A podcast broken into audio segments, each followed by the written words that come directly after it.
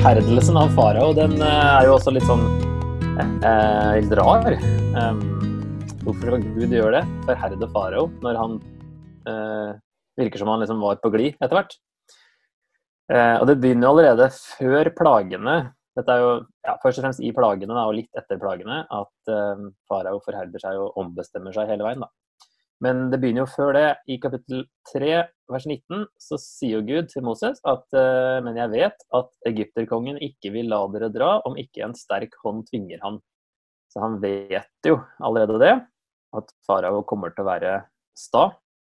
Så sier han i 4.21 men jeg vil gjøre hans hjerte ubøyelig, så han ikke lar folket dra. det er allerede, allerede der så tas det liksom opp på et nivå vi ikke forstår. Eh, når han sa først at jeg vet at han ikke vil ha dere dra, og så er det Gud som skal gjøre så han ikke lar dem dra. Um, så hvis vi ser på plagene utover, så er det hjertet til farao første gangen. Så er det farao andre gangen, så er det hjertet hans igjen, og så er det farao, og så er det farao. Og den sjette plagen så er det Gud. Men så er det farao igjen, og så er det Gud etter det, da, som forherder.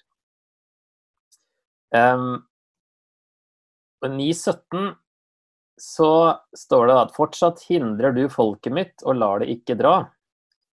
Står det etter at i 9.12 så var det Herren som forherda ham. Så er det likevel han som får eh, skylda for å ha forherda seg.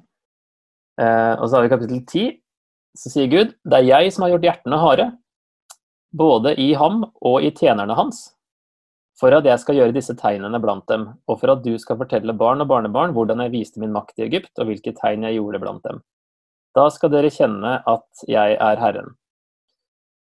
Så eh, det her refererer jo tilbake til versene helt til slutten av kapittel 9, der det står at farao selv som eh, forherda hjertet sitt, og tjenerne.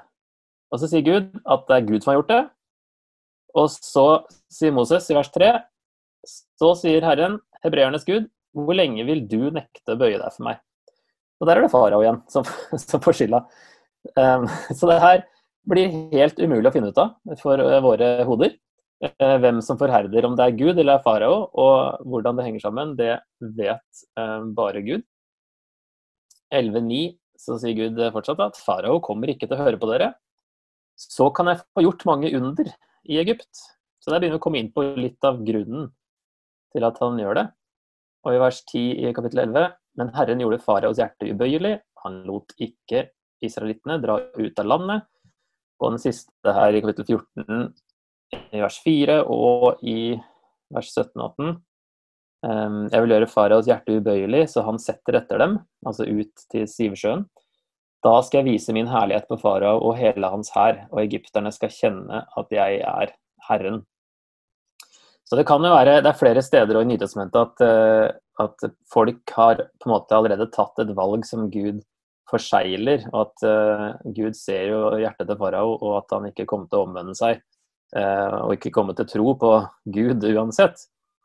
Um, sånn at han på en måte bare forsegler det valget, og det ser vi jo både i Romerne 1 og andre steder i Nytestamentet, at Gud uh, ser ut til å handle litt på den måten. da.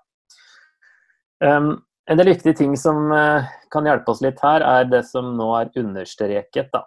Han sier jo at grunnen til at han gjør hjertene harde, faraos hjerte spesielt, er for at jeg skal gjøre disse tegnene blant dem, og for at du skal fortelle barn og barnebarn hvordan jeg viste min makt i Egypt, og hvilke tegn jeg gjorde blant dem. Da skal dere kjenne at jeg er Herren. Så det skal bli huska av israelittene i fremtiden, så de kan vite, eller kjenne, det er litt samme ordet egentlig på hebraisk, at 'jeg er Herren', og så neste der, 11.9, eh, så kan jeg få gjort mange under i Egypt. Altså han Det måtte være flere under enn fem, da, virker det som. Altså flere plager. For at det skulle bli stort nok. Um, og for at det skulle bli kjent egentlig rundt i, uh, i verden, si, den, deres verden, da, nabolandene og sånne ting. Og til og med i Kanan, når de kommer dit, så har de hørt om om det som skjedde da, i Egypt. Sånn at de er eh, på ganske skjelver i knea da, når de hører at uh, nå kommer den guden som gjorde de store tinga der.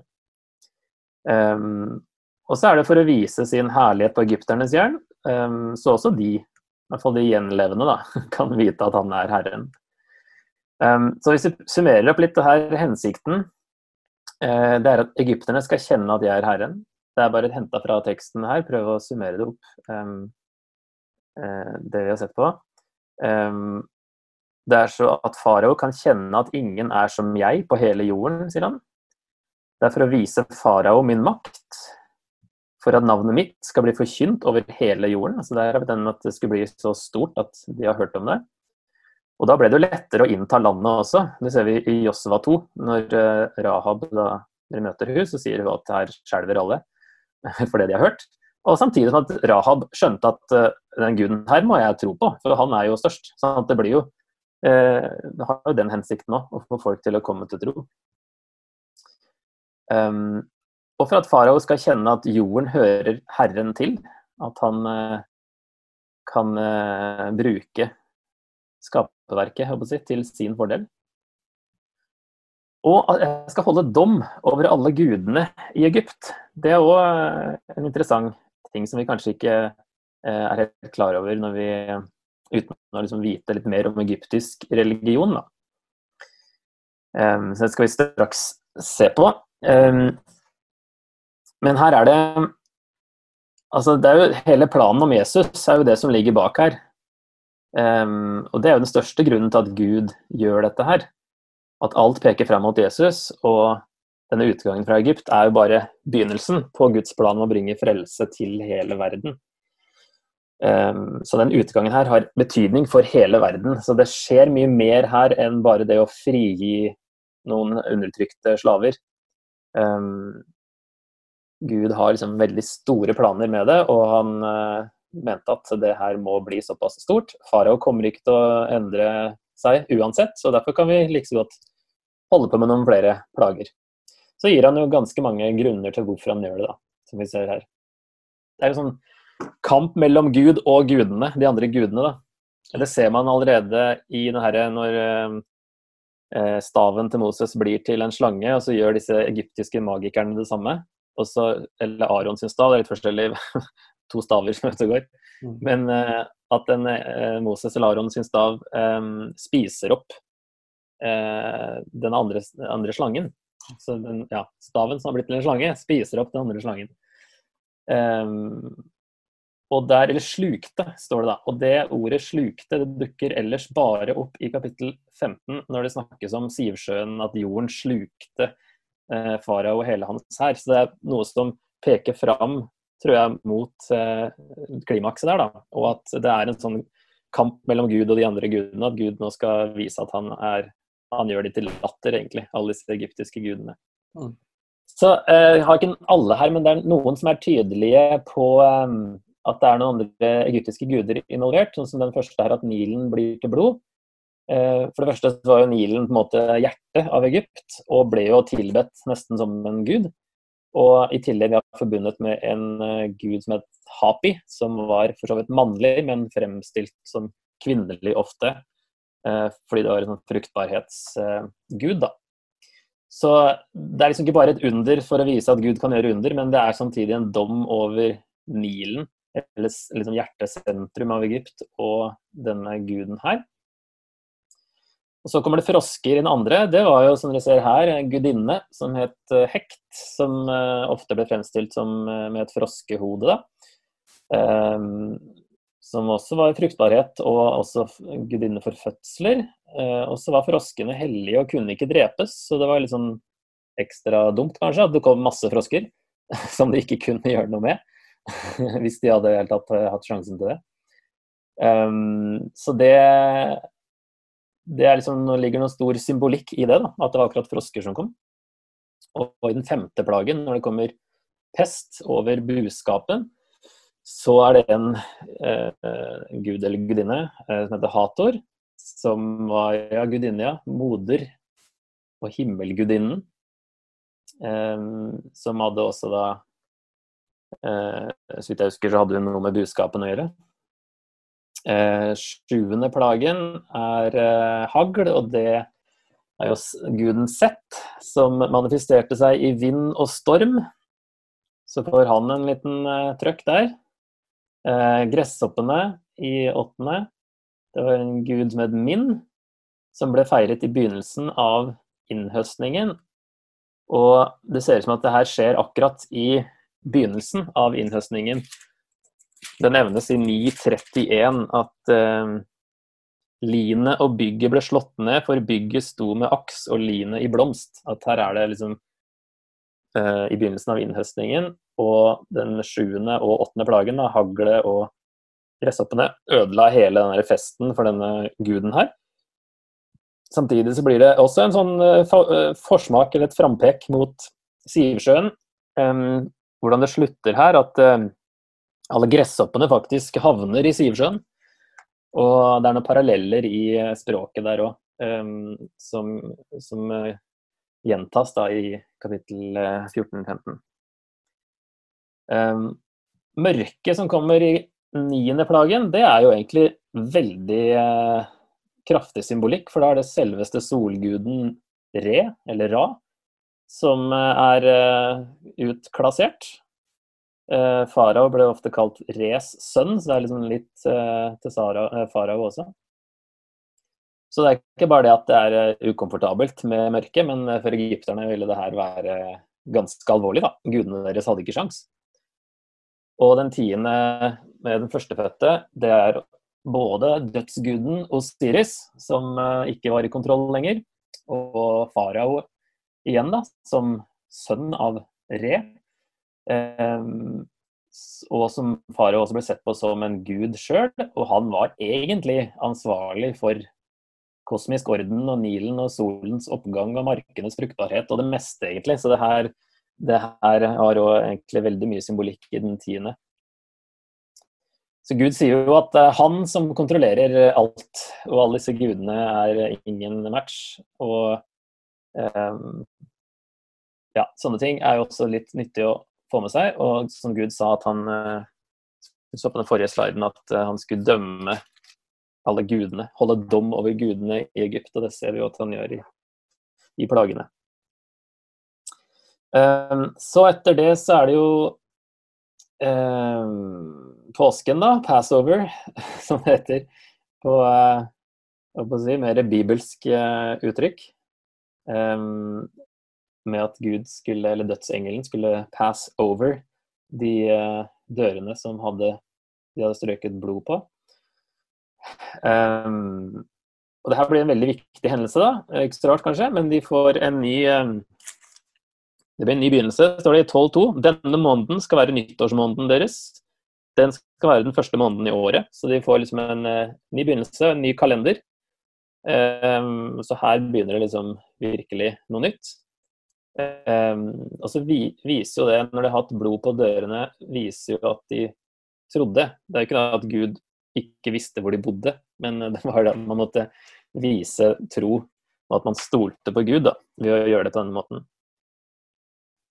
Og I kapittel 12 så er det litt sånn ut og inn av historien, fordi plutselig så kommer det i hvert fall Ja, det er noen vers som tydeligvis eh, snakker om på den tiende dagen og på den fjortende dagen og i sju dager skal dere spise usyret brød. Det hadde jo ikke tid til den kvelden. Eh, så det her er plutselig litt beskrivelser på hvordan de skal feire påske senere. da. Eh, og så går de tilbake igjen til historien. Så her er litt denne kronologien som ikke er helt sånn vi er vant til der han hopper litt ut av eh, selve fortellinga og, og, gir noen instrukser for påsken generelt, og så tilbake igjen, da. Um, ja, så jeg har slengt på noen vers her som eh, drar noen linker um, til Jesus. Uh, det er jo ikke så overraskende. det er vi jo kjent med, for så vidt. Men det her med i 1246 at ikke noe um, lammet skal spises i ett og samme hus. Kjøttet må ikke tas ut av huset. Beina må ikke brytes på lammet, står det der. Og så er det salme 34, vers 21. Så står det Han bevarer hvert bein i hans kropp, ikke ett av dem skal brytes. Det var liksom den samme tanken der. Og den uh, hentes opp igjen da om Jesus i Johannes 19, vers 36. Så står det at de, um, når de drepte han da på Eller han døde før de kom og brøt beina. De, vers 33 står det da de kom til Jesus, så de at han alt var død, og de knuste ikke hans bein. Og så står det i vers 36 dette skjedde for at det ordet i Skriften skulle bli oppfylt, ikke et bein skal brytes på han. Så der har vi en sånn litt fordekt link til, via denne salmen tilbake til eh, andre Mosebok 12 og påskelammet. Og I 1. Korinter 5 så snakker Paulus om at uh, vi holder påske hele tiden, egentlig. Det er en sånn, Hele livsstilen er uh, å feire påske uh, fordi vårt påskelam har blitt slaktet. Og um, han bruker det som et bilde på å leve hellige liv. Han snakker om rense ut surdeigen, er det det? Det usyrede brød. Altså at det snakker om synd som bruker det som bilde på synd. Da. Det med å ikke spise eh, surdeig eller ja, spise usyret brød. Så han drar liksom interessant link der, men likevel det at denne påsken er på en måte oppfylt, og det er påske hele tida. um, ja. Så kommer vi til Sivsjøen, som det nå heter. Jeg vet ikke om dere er vant til å snakke om Rødehavet. Det står jo i noen oversettelser, både på engelsk og norsk. Um, i den greske oversettelsen av andre Mosebok da, eh, og GT, eh, der står det Rødehavet. Eh, hebraiske har Sivsjøen. Så det er jo litt sånn eh, interessant spørsmål. Hva er det noe, er det noen forskjell? Eh, her er et kart fra den 2011 Bibelselskapet sin eh, utgave. Og der ser vi da oppe at de har kryssa hvis du følger eh, den lilla stipla linja fra Ramses til Sukkot, og så over Bittersjøene, står det. At de har kryssa over der. Og så har de gått eh, Rødehavet er jo egentlig, som du ser helt nederst der, den, den eller to buktene, si, fjordene inn der. Um, men det brukes litt om hverandre. I første kongebok 926 så står det at eh, kong Salomo bygde en skipsflåte i Eshon-Geber, som dere ser oppe i den høyre fjordarmen, som ligger ved Eilat i Edomlandet, ved Sivsjøens kyst, står det der. Så der kaller de egentlig Rødehavet, eller deler av Rødehavet, for um, Sivsjøen. Og så kan jo ting ha endra seg, eh, geografien, da, siden den gangen. Det er ganske lenge siden dette her. Eh, Efesus f.eks. var jo en havneby. Efesus har jo en havn, men ligger jo ikke ved havet nå. Eh, så her òg tenker man at eh, eh, det er mye som tyder på at kanskje det her Bittersjøene var forbundet da, med den venstre armen her tidligere. og da kan man kalle det liksom både for Rødehavet og for Sivsjøen, egentlig. Så det er, litt, det er ikke så stor krise da, at de har begynt å kalle det for Sivsjøen, og at, at de liksom ikke gikk over en sånn Rødehavet på det videste, men at det var kanskje en liten en litt smalere del. Vi vet ikke helt hvor det var, men det er en teori at det var der oppe, men at det var forbundet da med Rødehavet tidligere. Så i hvert fall det brukes om hverandre, da, de uttrykkene. Um, så uh, kommer det jo over uh, og uh, da, på slutten da, altså når det er slutten av kapittel 14, så står det da de så det storverk Herren hadde gjort mot egypterne, fryktet folket Herren, og de trodde på Herren og på Moses, hans tjener. Da virker det som de liksom har skjønt noe, da. Endelig. Men så går det ikke så lenge før eh, eh de begynner å klage. eh, manna betyr jo egentlig hva er det? og Derfor har jeg tatt med det bildet her. Når mannen detter ned fra himmelen, så spør de hva er det der? Og så kalte de det bare for det. Eh, de klager over eh, mat, og de klager over drikke, og Gud eh, er tålmodig og gir dem det de klager på.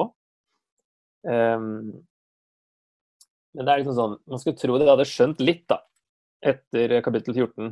Det høres jo sånn ut. Men i fjerde Mosebok òg, når de endelig etter ti kapitler der eh, med liksom sånn eh, forberedelser og skal gjøre seg klar til å dra videre. Det er jo et år etterpå, etter at de har kommet til Sinai-fjellet. når de endelig skal dra videre, så er det første som skjer der, er at når de først åpner munnen, så klager de igjen i Fjerne Mosebok 11. Så det er eh, Men generasjonen her er jo som sagt da ikke så veldig gira på det her i det hele tatt. De stoler ikke på Gud og hans plan.